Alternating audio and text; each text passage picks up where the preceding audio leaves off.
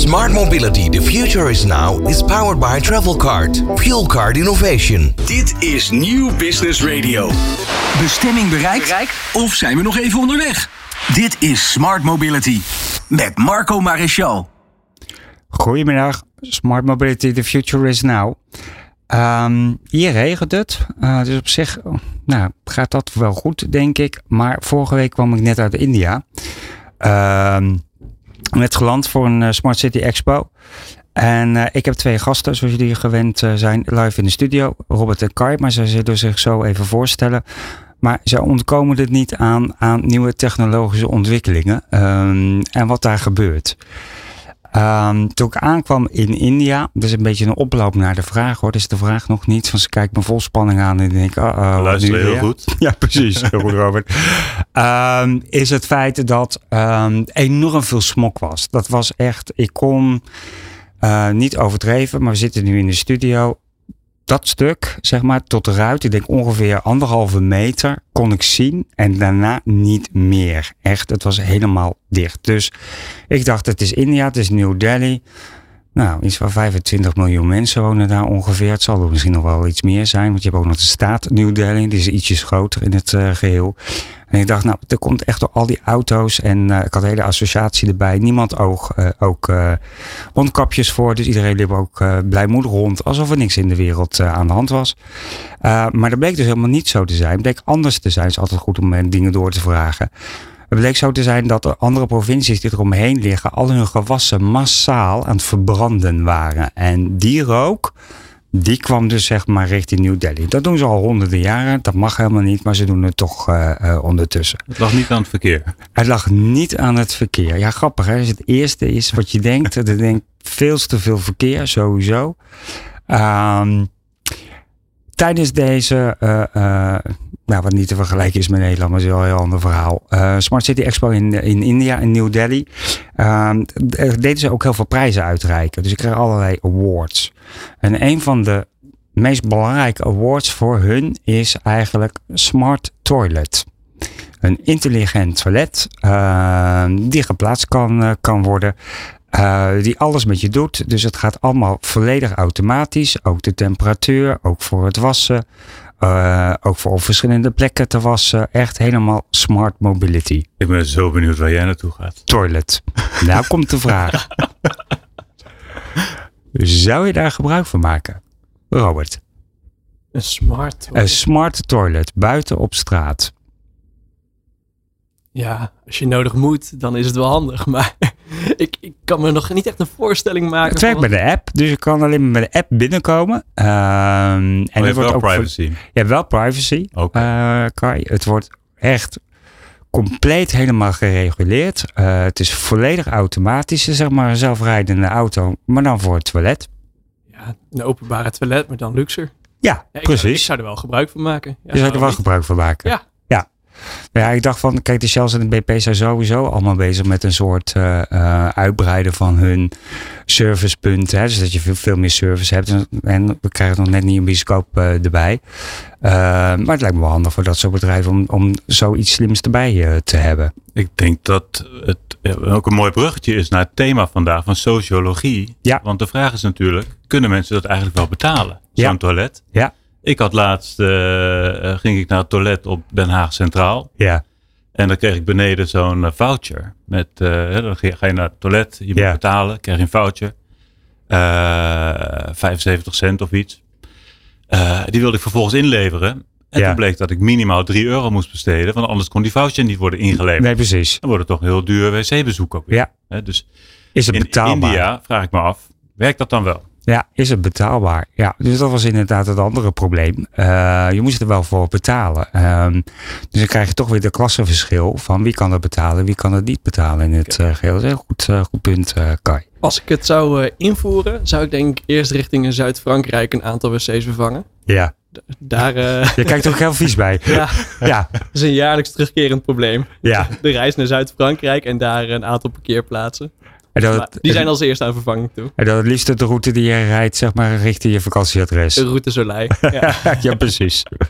Ander puntje. Uh, tijdens het debat, ik zat op een gegeven moment in het debat, dat ging over AI. Ehm, en over machine learning. En iemand uit de zaal die zei, joh Marco, ehm, ik had een beetje naar voren gebracht uh, ChatGPT. Uh, en toen zei ze, ja, maar die jongeren van tegenwoordig, en dan sorry Kai, dan ga ik toch even naar Robert. Um, die worden steeds dommer door die ChatGPT. Um, en ze vroegen aan mij, kunt u daar even op reageren? Want ze knippen en plakken en dan zijn ze gewoon klaar. Uh, dus ja, het wordt, op deze manier wordt het voor iedereen wel heel makkelijk gemaakt. Even kijken naar de jongen onder ons. Robert, is dat zo? Dat vroegen ze mij. Ik zal eigenlijk zeggen van wat ik geantwoord heb. Maar is de, is de vraag, word ik dommer? Ja, word je dommer met ChatGPT en met AI uh, die naar voren komt in allerlei verschillende. Hè, je hebt ook uh, handige stofzuigers, die gaan ook vanzelf allemaal. Je hoeft helemaal niks meer te doen. Nee, alles, alle kennis is wel beschikbaar. Of de meeste kennis is beschikbaar. Je kan het alleen nu sneller en doeltreffender gebruiken. Dus ja, wat we vorige uh, twee jaar terug nog op internet opzochten, is nu gewoon een makkelijke vraag en je krijgt het nog concreter. Dus volgens mij pak je alleen maar doeltreffender je kennis. Uh, dus nee, ja, je wordt niet per se dommer, denk ik. Je wordt alleen vaardiger ja. met welke vraag je moet stellen om welk antwoord te krijgen. Ja. Dat is ook goed voor de oudere generatie trouwens. Ja, precies. Wat heb je kinderen, kan je of niet? Zeker. Ja. ja. Worden ze dommer? Gebruiken ze het al eigenlijk? Of ja, niet? ja, precies. En die zijn er uh, heel goed in om het te gebruiken ook. Ja. Dus, uh, en ik nog niet zo heel handig. Maar Nee. uh, hoe je nou in allerlei bestanden in ChatGPT kunt laden. antwoorden kunt laten genereren. En vervolgens opdrachten kunt geven om het nog beter te maken, et cetera. Die hele cyclus. Ja, dat is een bepaald meesterschap. Wat Ja. je ook weer eigen moet maken. Dat is een nieuwe uitdaging, denk ik. Voor Ja. ons allemaal. Jong en iets, ietsjes ouder zoals wij. Ja, precies. Eh, niet heel veel, maar wel ietsjes. Ja. Klopt. Uh, nee, maar mee eens. Dus, ehm, mijn antwoord was van, eh, volgens mij worden ze niet dommer. Ja, je hebt natuurlijk sommige studenten, leerlingen die knippen en plakken en die gooien het erin. Maar ik weet, scholen zijn al bezig om dat te controleren en daar iets tegen te doen. In het, eh, in het geheel. Eh, maar het is ook een beetje eh, wat Robert ook zegt. Je gaat echt doorvragen en doorvragen en doorvragen. Omdat je uiteindelijk toch, als het goed is, het antwoord leest wat je krijgt. En dat is niet altijd even vreugdevol, zeg maar. Je kan niet op één op één zomaar overnemen. Dus, eh, maar het gaf een levende discussie. De dag daarna werd er nog op aangesproken. Uh, dus het, het leeft enorm wat dat betreft. Ondertussen denken de luisteraars, nou, dat is een heel gezellige uitzending uh, over toiletten en over uh, ChatGPT en uh, AI. En dat is allemaal hartstikke leuk. Ehm, en prima. En dan hoor ik een naam van Robert en Kai. En dan denk ik, goh, maar wie is wie nu eigenlijk? Kai, wil jij je voorstellen? Waar werk je voor? Hoe heet de organisatie? Wat is je functie daar? En wat houd je van de straat? Zo. Hele rij. Ik weet niet of ik alles in één keer meeneem. Ik hou het bij. Mijn naam is Kai Veldkamp. Ja. Ik ben uh, directeur bij Extent, dus een adviesbureau in uh, Utrecht op het gebied van mobiliteit. Uh, nou, in de praktijk ben ik de helft van de tijd bezig met directeur spelen en de andere helft van de tijd gewoon adviseur buiten met de, modder, met de poten in de modder en gewoon opdrachten doen. Oké, wat voor opdrachten zijn dat?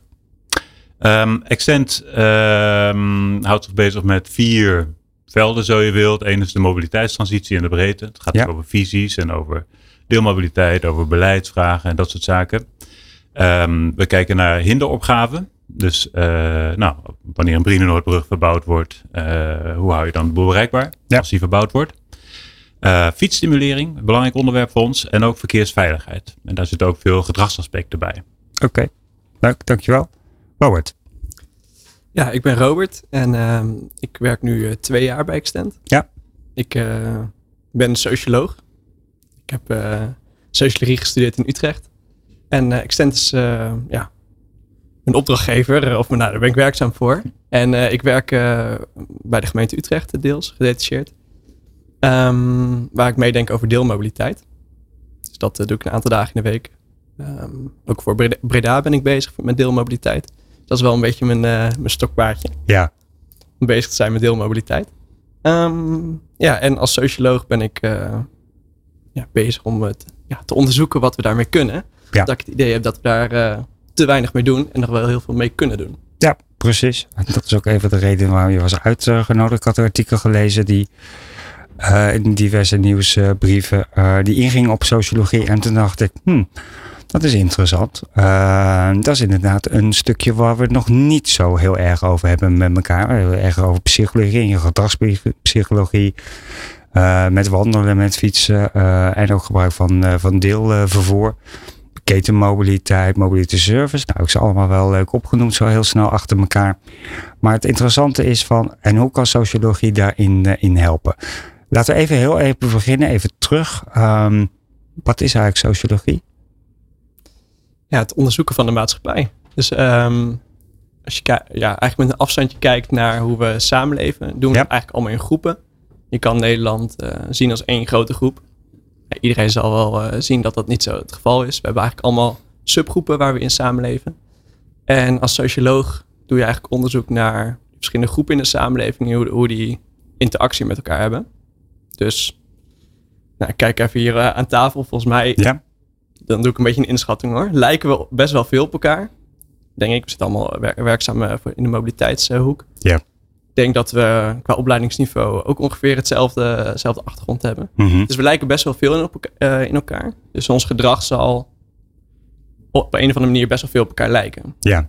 Dus als wij gaan praten over mobiliteit, is het best wel logisch wat we zeggen tegen elkaar en snappen Ja. elkaar. Terwijl als je iemand nu van straat eh, plukt, misschien hier op het, eh, op het terrein hier Ja. in Hilversum, dan zal dat gesprek heel anders verlopen en opeens veel moeizamer, omdat hij een hele andere achtergrond heeft. Nou, en dat bepaalt hoe je je gedraagt, wat je Ja. doet en hoe onze samenleving eruit ziet. Dus al die eh, groepen interacteren met elkaar, Ja. hopen we in ieder geval. En uit daaruit ontstaat gedrag en eh, sociale vraagstukken. Right, dus we gaan eigenlijk ehm, de maatschappij opdelen naar, behalve dat de maatschappij ook een, een sociologisch eh, systeem is, gaan we ze ook opdelen naar eh, verschillende groeperingen eh, met dezelfde kenmerken achter qua leeftijd, eh, klasse, eh, inkomen. En Ik denk dat de directeur dan ietsjes hoger zit, dat is een andere klasse. Maar ehm, dit, op die manier ga je ze indelen. Dus eigenlijk ga je meer naar marketing toe. Mm, nee. Je, je bent echt als socioloog echt aan het observeren. Dus je probeert te begrijpen wat, eh, wat de interacties zijn. Ja, Ik denk als marketing heb je ook meteen een doel erachter. ja, Socioloog was een van de lessen die ik als eerst leerde. Ga ik ver terug eh, in mijn eh, studie. Maar volgens mij ergens dat mag. eerste werkcollege. Als socioloog onderzoek je het. En het zijn andere mensen om daadwerkelijk er iets mee te doen. Dus als socioloog observeer je vooral. Ehm, nou ja. En vaak werd gezegd, als socioloog ben je heel goed om mensen in hokjes te plaatsen. Ja. Dus eh, nou ja, die trek ik dan ook maar meteen eh, naar me toe. Ja, oké, dus je doet eigenlijk heel clean. Je eh, onderzoekt zeg maar op het gebied van sociologie verschillende groeperingen. Die onderzoeksresultaten die hou je zoals het is. Daar doe je verder niks mee. Je laat anderen bepalen wat het is wat ze ermee doen. Je probeert zo duidelijk mogelijk uit te leggen Ja, wat de verhoudingen en de interacties zijn tussen Ja. groepen. Nee, net welke, net welke eh, eh, kenmerken je pakt. oké. Wat stond er eigenlijk in het artikel? Eh, dat we in de mobiliteitswereld meer met sociologie moeten doen. En wat is je idee erbij? Ehm, mijn idee erbij is dat we andere vragen moeten stellen. Dus eigenlijk constant is de vraag interessant.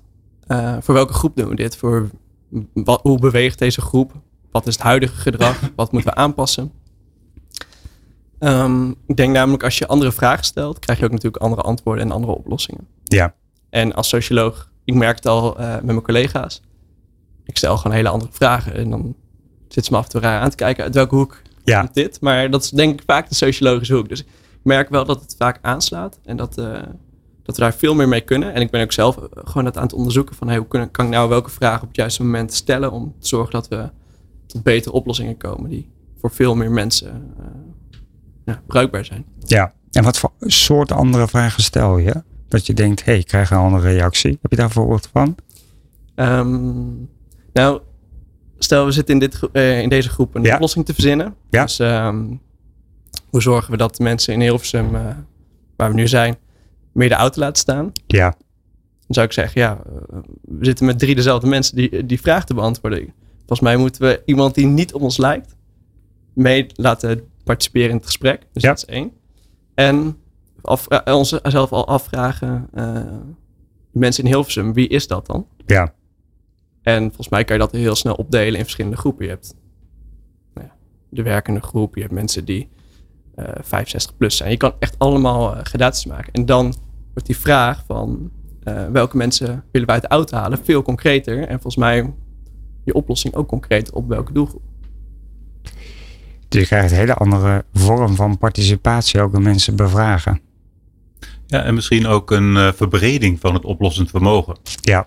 Dus voor Extent is dat denk ik de belangrijkste reden geweest dat we nu zeggen van goh, wat is nou uh, de toegevoegde waarde van sociologie mm -hmm. in de mobiliteit? Uh, ja. We hebben, Extent bestaat dit jaar overigens 30 jaar.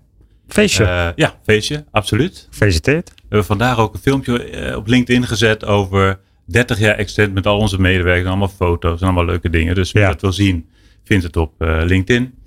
Um, maar al een hele tijd werkt uh, Extent aan de vraag: wat doet psychologie nou in mobiliteit? En mm -hmm. dan heb je het vaak over het Human Factors model met uh, een aantal hele simpele vragen. Dan stel je vragen als: goh, uh, als ik nou iets wil bereiken en ik wil dat Marco voortaan met de trein hier naartoe komt. Ja.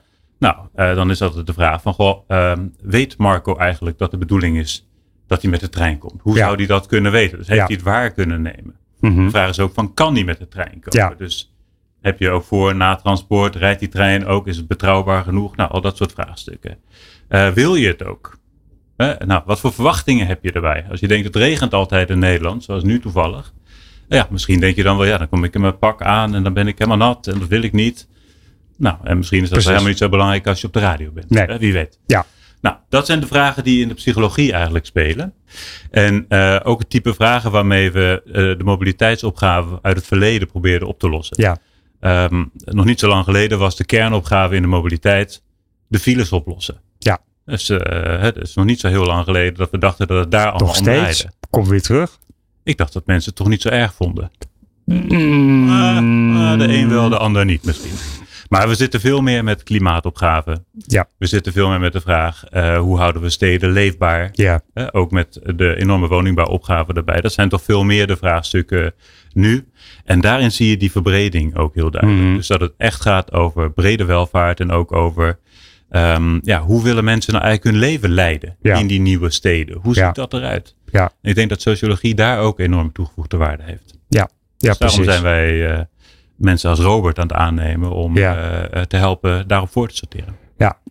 En een andere invalshoek, eh, perspectief eh, daarin te brengen. Ja, en dus niet per se het individu. Nee. Kijken hoe je groepen kunt benaderen en groepen kunt meekrijgen. En mee, ja.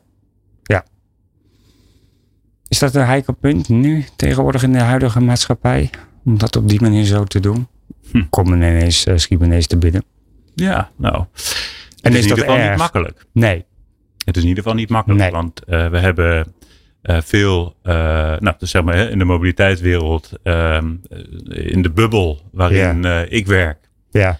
is het vaak zo dat we het gevoel hebben er moet iets veranderen. Mhm. Want anders loopt de boel vast. Ja. Anders is de luchtkwaliteit te slecht. Mensen kunnen geen gezond leven le- leiden in die steden. Dus dat gevoel hebben we met elkaar. Ja. Maar er zijn ook heel veel groepen in de maatschappij die zeggen: ja, maar ik wil gewoon eh, met de auto. Ja. Want ik ga het meest prettig met de auto. Het is Mhm. daar droog. Ik heb eh, eh, Business News Radio aan. Ja. Of Nieuw Business Radio aan. Ja. En ik heb het gewoon prettig in die auto. En daarom ga ik met de auto. Mhm. Ehm, dus niet alle groepen zijn even makkelijk mee te nemen en te overtuigen. Nee. En ik denk dat het type vragen die mensen als Robert kunnen stellen, kunnen Mhm. helpen om ook die mensen mee te nemen.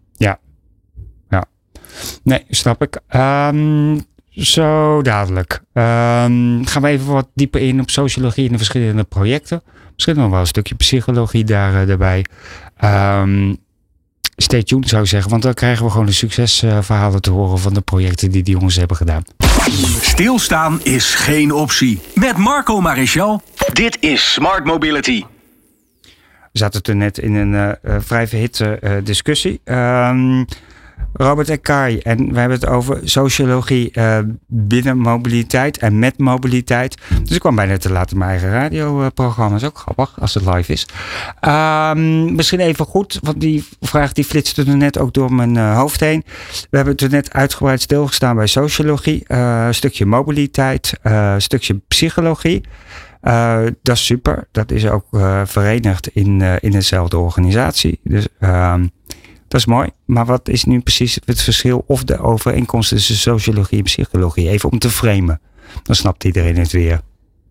Ja, een psycholoog kijkt eigenlijk naar wat er onder een hersenpan gebeurt bij Ja. een individu. Ja, Dus wat eh, zijn je normen, wat zijn je waarden, waar, waaruit maak je keuzes. Nou, dat verschilt gewoon per individu. Als socioloog probeer je meer in groepsverband te kijken. Ja. Dus ehm, je bent onderdeel van een groep, van, een, eh, van de wijk, van een vereniging, van je werk. Nou, daarin lijkt gedrag heel vaak op elkaar. Ja. Dus je kijkt hoe kan je groepen bewegen.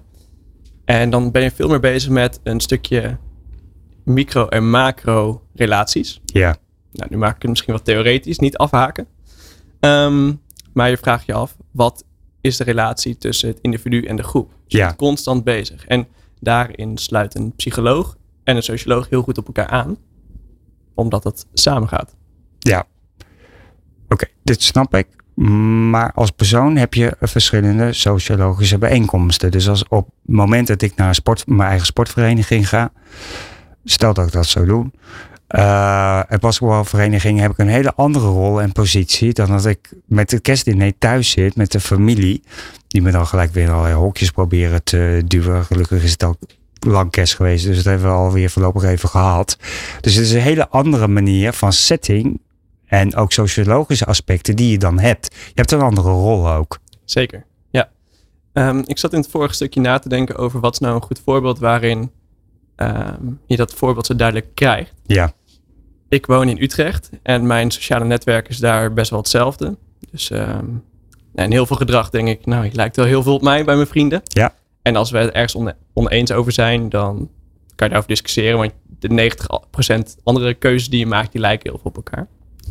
Het wordt interessant als ik naar mijn ouders ga. ja, Eh, die wonen in eh, Barneveld. En als ik daar met een deelauto aankom, met stickers erop, ja, dan kijken mensen toch wel raar. Wat, wat voor auto is dat? ja, Dit is alsof je een nou, vliegende auto meeneemt naar een andere regio. ja. Grote ogen. Grote ogen. Wat is dit? Ja, Waarom zou je het doen? ja, En dan zie je opeens wat, je het, wat het verschil is en wordt het opeens duidelijk. ja, Ja, ik verander dan niet per se, want nou, ja, ik moet wel wat uitleggen. ja, Maar je ziet dat de context heel erg bepalend is. ja. Ja. Het is een interessante invalshoek. eh, om het op zo'n die manier eh, eh, te framen. Ehm, heeft u ook nog een beetje een relatie met parkeren of niet? Sociologie. Nou, ehm, ja, kijk, parkeren is een, eh, een van de meest gevoelige onderwerpen, denk ik eigenlijk. als Ja, je het hebt hele oorlogen. Dus eh, eh, als je daaraan komt, dan, dan, dan wordt het al snel emotioneel ook. Ja, En ehm, ik denk dat parkeerregulering mhm. ook het mooi, ja, het is een ongelooflijk interessant, controversieel iets eigenlijk. Ja. Parkeerregulering wordt toch eigenlijk eh, in de meeste steden pas ingevoerd als eh, de meerderheid van de mensen in de straat dat willen. ja, En toch voelt het altijd als verlies Ja. als je ineens parkeerregulering in de straat krijgt, terwijl je er zelf om gevraagd hebt. ja. Dat is toch een heel bijzonder eh, Fenomeen. fenomeen. Ja, Ehm, eh, hetzelfde met parkeerdruk in een Mhm. straat. Dan heb je veel te veel auto's in zo'n straat. Die straat staat vol met auto's. Dan krijg je de kans om een deelauto in je straat te krijgen. ja, En dan gaan mensen klagen over, ja, maar dan verlies ik één parkeerplek. En dan komt een deelauto te staan. Ja. En dan mag ik daar niet meer staan. nee, Terwijl, ja, die, die deelauto vervangt vier andere auto's eh, gemiddeld. ja, Dus ja, het is, eh, eh, parkeren is in die zin ongelooflijk interessant om naar te kijken. En ook hier geldt weer, welke vragen stel je nou eigenlijk vooraf aan mensen om ehm, ja, eh, hen daarin mee te krijgen? Mhm. Of om in ieder geval duidelijk te krijgen, wat willen mensen nou eigenlijk? ja. Kleine, kleine aanvulling. Graag. Je hoort in de, wat Kai uitlegt, heel snel het switchen tussen micro en macro. Ja, Dus op macro is heel duidelijk uit te leggen. Eén deelauto vervangt eh, vier auto's. Ehm, we hebben ruimte nodig eh, voor groen. Nou, ik- allemaal, we, kennen, we kennen het allemaal. Als je in de mobiliteitswereld zit. Oh, het is al helemaal goed uit te leggen. Op macroniveau, alle beleidstukken. Maar op microniveau, ja, ik wil mijn eigen auto voor de deur hebben. En dat wil mijn buurman ook. ja, De buurman daarnaast wil het ook. En daar gaat het dus, dat is dus de uitdaging. Hoe gaan we macro en het micro met elkaar ja, laten communiceren als het ware? Hoe kan ik, ja, het is heel moeilijk om op Ja, zeg maar. systeemni- syste- eh, systeemniveau te denken. ja, Want ja, ik wil gewoon dat mijn behoeftes worden vervuld, namelijk een auto voor de deur. Ja, Is, is dat nou ook gewoon het algemeen belang versus het individuele belang? Is dat hetzelfde als macro- en microniveau? In veel gevallen wel. Ja. ja.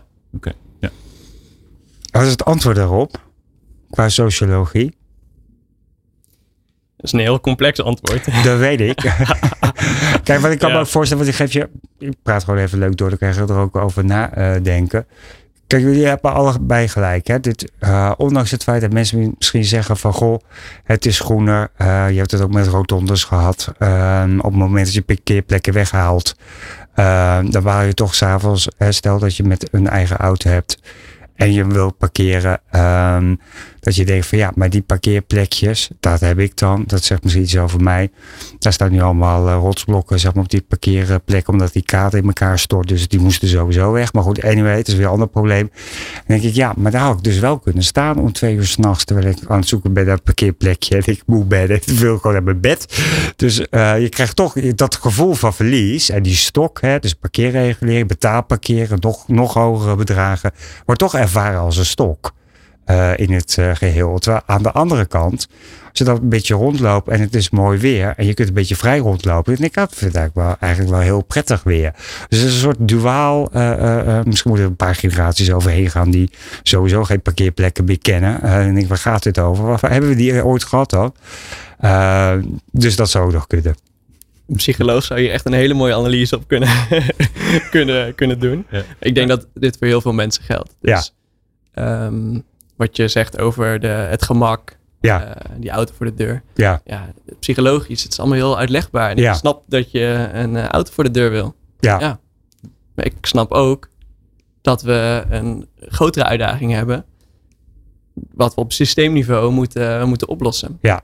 Het moeilijke is alleen, en dat zie je in heel veel transities, waar, dat we hetgene wat we op macroniveau ja, moeten doen en eh, wat we als uitdagingen zien, ja. dat we dat kunnen vertalen naar het individu. Dus Mhm.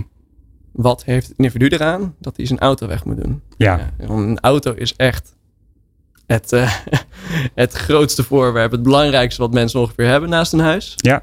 Dus ja, ga er maar aan staan. Ja. En ja, het is echt een uitdaging om dat eh, te kunnen vertellen. Van wat is het voordeel als we met z'n allen, solidariteit, ja.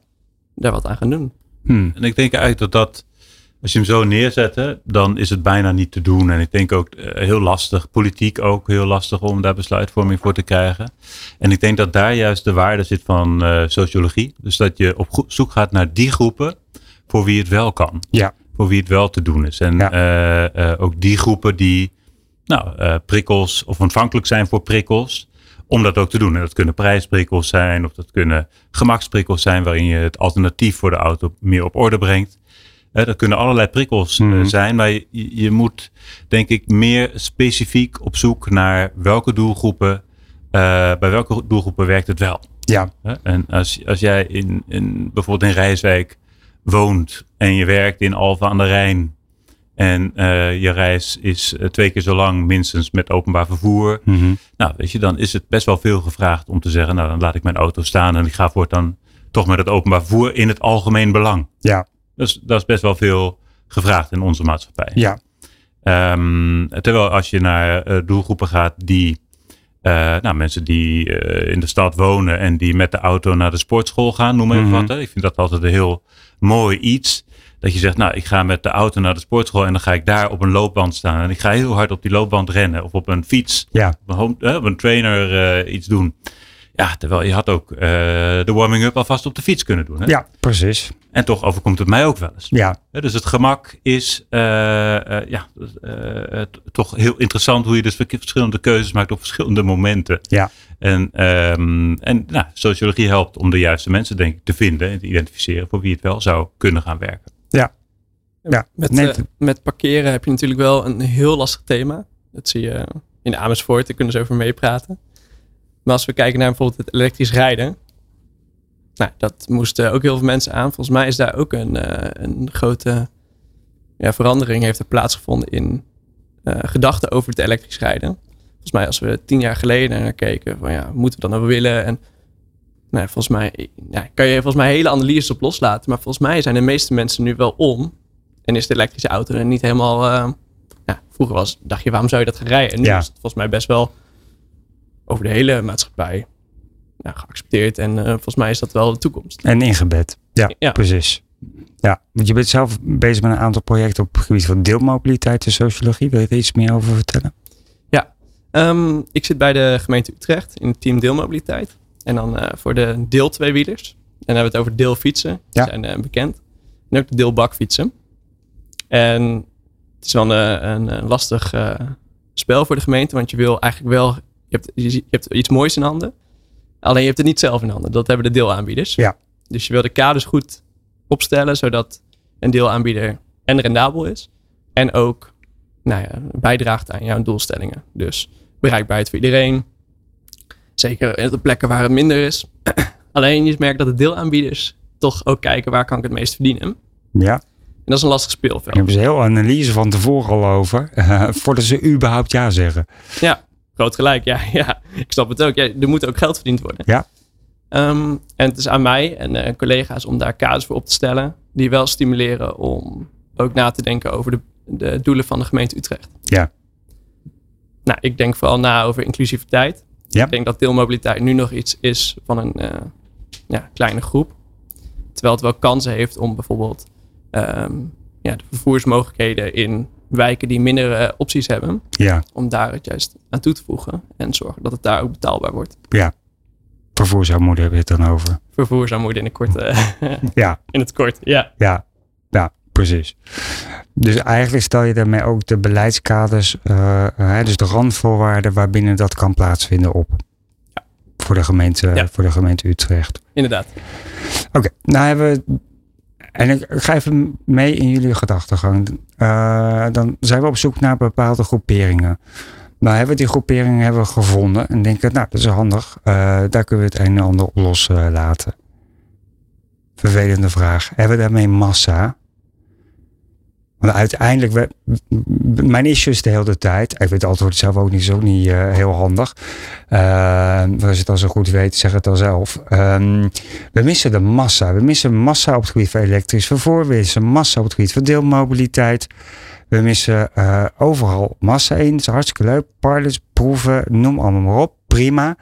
Maar de echte massa, of misschien ben ik wel ongeduldig, dat kan ook. Dat, dat ligt er allemaal aan mij. Die is er niet. En welke, op welke manier kan sociologie daar een uitkomst in bieden? Eh, waar is de massa? De massa is, nou ja, in de maatschappij die je net hebt aangedragen van 19 miljoen mensen. Dat is de massa. Nou, in ieder geval meer. ehm, nou, daar heb ik het heel makkelijk over. In ieder geval minimaal. ehm, nou, laten we even de gemeente Hilversum nemen. Er zijn eh 96.000 inwoners. Nou, laten we even tussen de, de eh 12 en de eh 80 zitten. Nou, dan hebben we er ineens een stuk minder. Dan zijn het er 70.000. 70.000 mensen eh, op alle. Het is een groep. Dus ik ga even een sociologische eh, eh, rollercoaster doen. Terwijl ik helemaal geen socioloog ben. Dus dit is heel glad ijs wat ik nu doe. Die we allemaal op de een of andere manier aan de deelmobiliteit kunnen krijgen. Want Hilversum is bij uitstek de autostad van de wereld. Echt serieus. Dus, maar zal ik niet op losgaan, maar dit is echt zo. Ik ken er nog een paar. Dus ja, precies. Ehm Alleen zijn er hier ook uitzendingen waar dan allerlei eh, eh, advocaten roepen dat Hilversum, Hilversum eh, onbereikbaar is. Dus dat is dan heel jammer dat dat dan gebeurt. Dus we hebben 70.000 mensen die moeten krijgen aan deelmobiliteit. Nou, ik zelf toevallig hier per ongeluk onderzoeken gedaan naar deelmobiliteit. Waren wat in de war. Wat is deelmobiliteit? Eh, en op welke manier? Vervolgens kwamen hier scooters binnen. Die werden als vuilniszakken overal neergegooid. Dus een hoop gedoe erover. eh, over die scooters die al als grofvuil overal lagen. En vervolgens trekken een aantal aanbieders zich terug. En zeggen ze, ja, maar dit is geen businessmodel hier. Dus we gaan weg. Dus er is nog eentje over. Even sociologisch. Hoe krijgen we die 70.000 mensen? Ja, is wel op jullie gevestigd. Kan ik namelijk ook weer een businessmodel van maken hier daar. Als sociologische groep aan die deelmobiliteit. Wat moeten we dan doen? Ik stelde de vraag, wie is de massa? En, Ja. wat- en de vervolgvraag is eigenlijk, wat doet de massa? Ja. Nou, volgens mij is de massa eh, de automobilist. De automobilist heeft veel opties. Ja? En dat is juist ook de doelgroep die zouden kunnen verplaatsen naar deelmobiliteit. Ja. Dus we hebben een systeem waarin nu de massa gebruik maakt van nou, de privéauto. Daar Ja. zit de massa. Ja. En die massa willen we verplaatsen.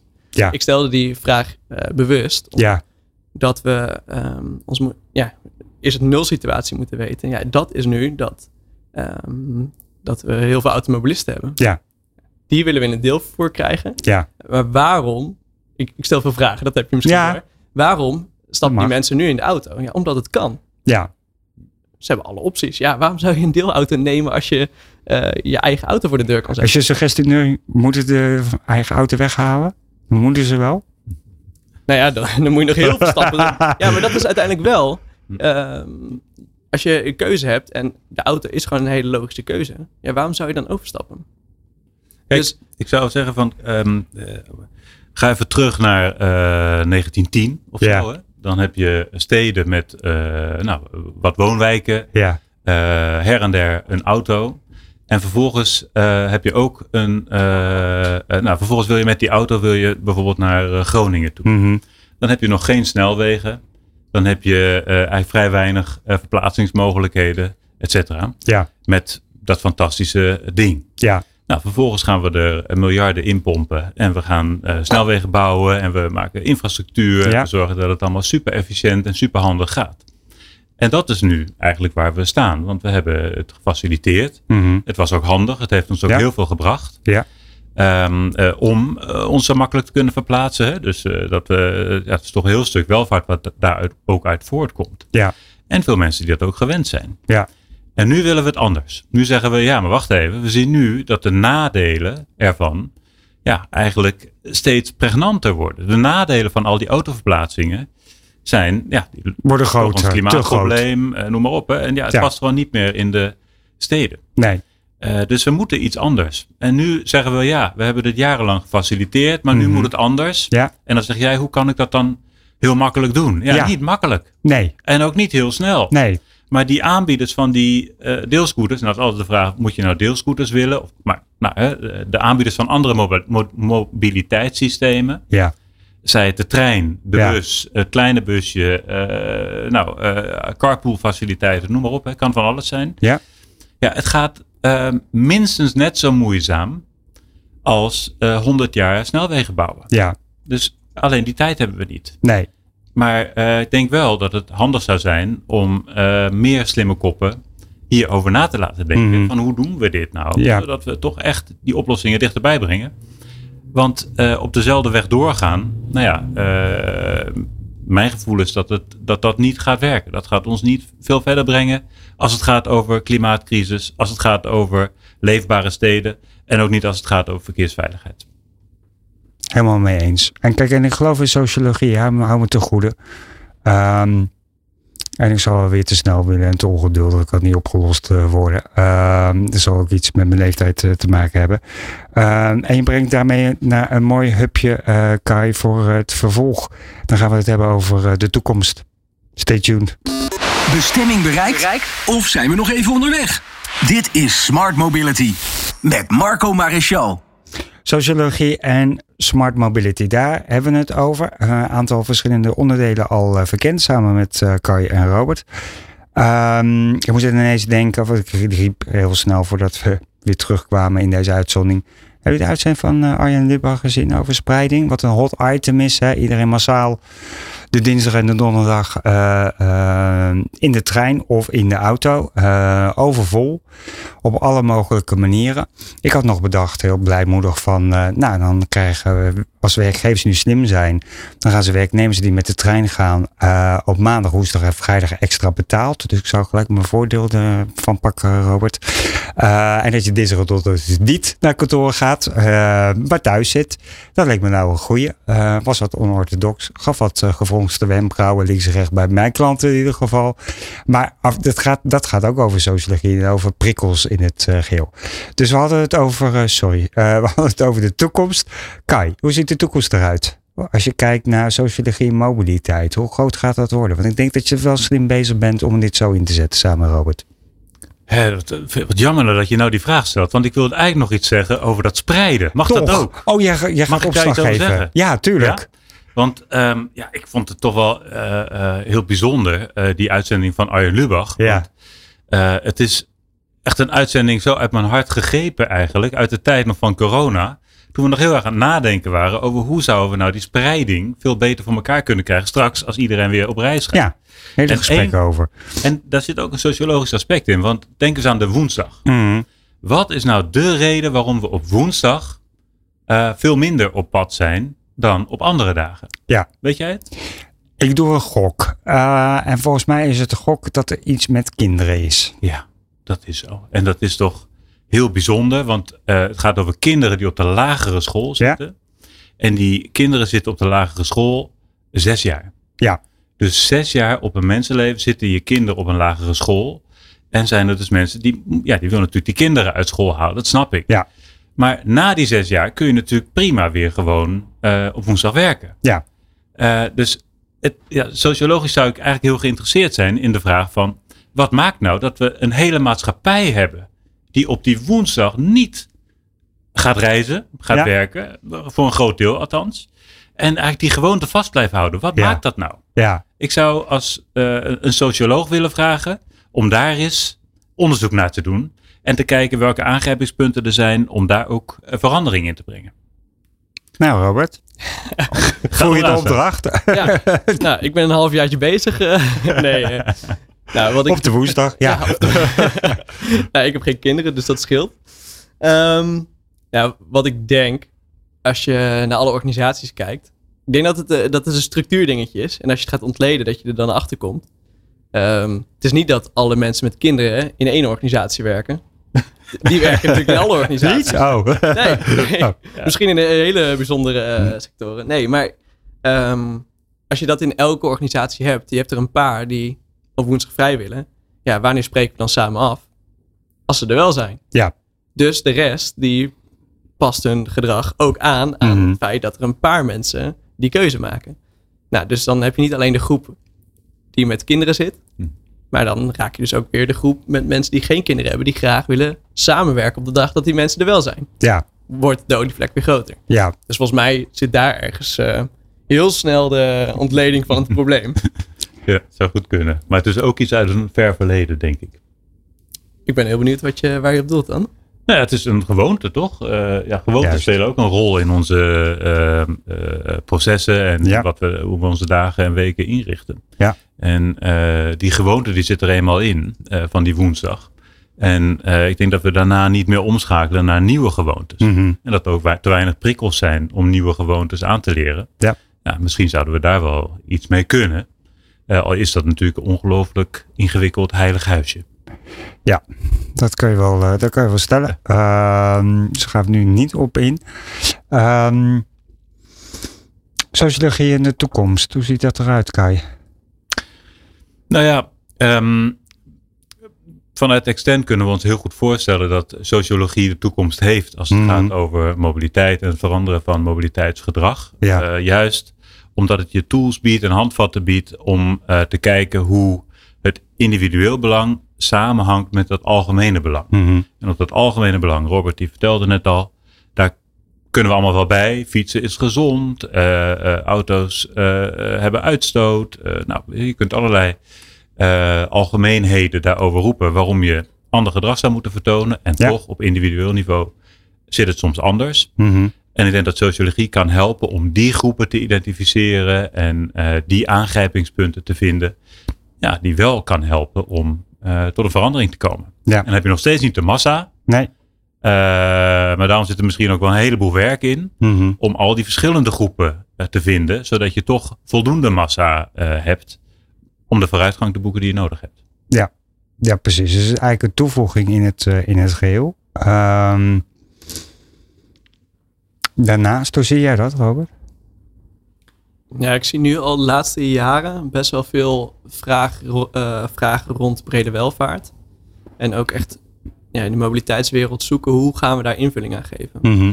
Ja, en dat is gewoon niet alleen op te lossen met mobiliteit. Dat heeft ook te maken met hoe we onze steden inrichten, waar onze voorzieningen zijn. Dus we moeten opeens, ja, we zijn niet alleen bezig met onze mobiliteit faciliteren. We moeten volgens mij onze leefomgeving op, ja, op een andere manier naar kijken. Ja. Nou, als je naar een leefomgeving gaat kijken, ga je ook sociologisch kijken van wat zijn de interacties tussen groepen. Dus wordt het steeds belangrijker. Dus volgens mij, brede welvaart, nou, kom je uit, uit, uiteindelijk op leefomgeving en wordt de vraag gesteld welke groep gaat waar wonen en wat zijn dan de gedragingen van die groep. Ja. Ja, want heb je wel eens even om het concreet te maken, um, even afstappend van de toekomst, maar even heel praktisch en concreet, um, op een participatieavond gestaan wat inging op deelmobiliteit of parkeren of iets anders, waar je de andersoortige vragen stelde. En als je dat gedaan hebt, hoe werd daarop gereageerd tijdens zo'n avond? Oh, ik had hier met collega's mee moeten gaan. Ik weet dat collega's dit namelijk wel uh, regelmatig doen. Ja. Dus ik ben niet zelf onderdeel hiervan nee. geweest. Um, maar ik heb wel. Wat heb je teruggehoord? Ja, wat, nou, dat het heel erg schuurt. Dat, ja, precies. je, je, je patronen, je moet je patronen aanpassen. En het ging ook over parkeren op afstand. Ook zo'n thema waar dat natuurlijk ook is. Je wil je ja. auto voor de deur hebben. Parkeren op afstand vraagt toch uh, iets meer uh, gedoe. Ja, je merkt toch wel dat mensen dat liever niet hebben. Dat het echt aanpassing vraagt voordat mensen daarin meegaan. Ja. Alleen je moet daarin ook de voordelen van parkeren op afstand of deelmobiliteit kunnen laten zien. Ja. Dus het kost gewoon tijd en mensen moeten openstaan voor zo'n verandering. Ja. En dat kun je weer identificeren door sociologie toe te passen om het daar die vragen neer te uh, leggen en voor te leggen waar het ook kan. Zeker, ja. Wat zijn nou aanknopingspunten binnen een bepaalde sociale groep? Ja. En als je een aantal mensen hebt die dat gedrag vertonen, wordt het ook veel makkelijker om andere mensen mee te krijgen. Want Mhm. dan denk ik, hey, iemand die op me lijkt, Ja. die uh, laat bepaald gedrag zien. Laat ik het ook eens een keer uh, proberen. Ja. Kijken wat ik kan aanpassen. Ja, ja precies. Nou, je vraagt naar wat is nou uh, de toekomst. Hè? Dus als je Mm. het hierover hebt, Ja. dan ehm, is er wel een soort, mm, mag ik het noemen, een soort droomproject wat, wat ik nog wel eens zou willen doen. Ja. En um, dat, uh, gaat, nou, dat gaat over juist dit onderwerp van vervoerongelijkheid of vervoerarmoede, zo je wilt. Hè? Ja. Uh, waarbij um, je met moderne middelen zou kunnen kijken hoe je dit aanpakt. En dan heb ik het over datagedreven aanpak, waarbij Mhm. je met behulp van uh, modellen kunt kijken van goh, waar wonen nou mensen die hier last van hebben. Ja. En um, vaak zijn dat mensen met een, uh, lager, met een lager opleidingsniveau Mhm. of, of weinig opleiding. Uh, die dus op zoek zijn naar mogelijkheden om verder te komen, veronderstellen we. Ja. Um, dat is één ding waar je naar kunt kijken. Je kunt ook kijken waar zijn dan mogelijke banen voor dat soort mensen. Ja. Dus hoe kunnen we die twee dingen met elkaar verbinden en daar dan mobiliteit een oplossing voor laten vinden. En zo kun je uh, eigenlijk al heel simpel tot een oplossing komen met mobiliteitskennis. En dan komt de socioloog, de socioloog om de hoek. Want die moet uh, gaan bepalen. Wat zou dan ook echt maken dat mensen ook gebruik gaan Die maken van die maken. mobiliteit? Want Precies. ik kan wel een buslijn aanleggen van A naar B. Ja.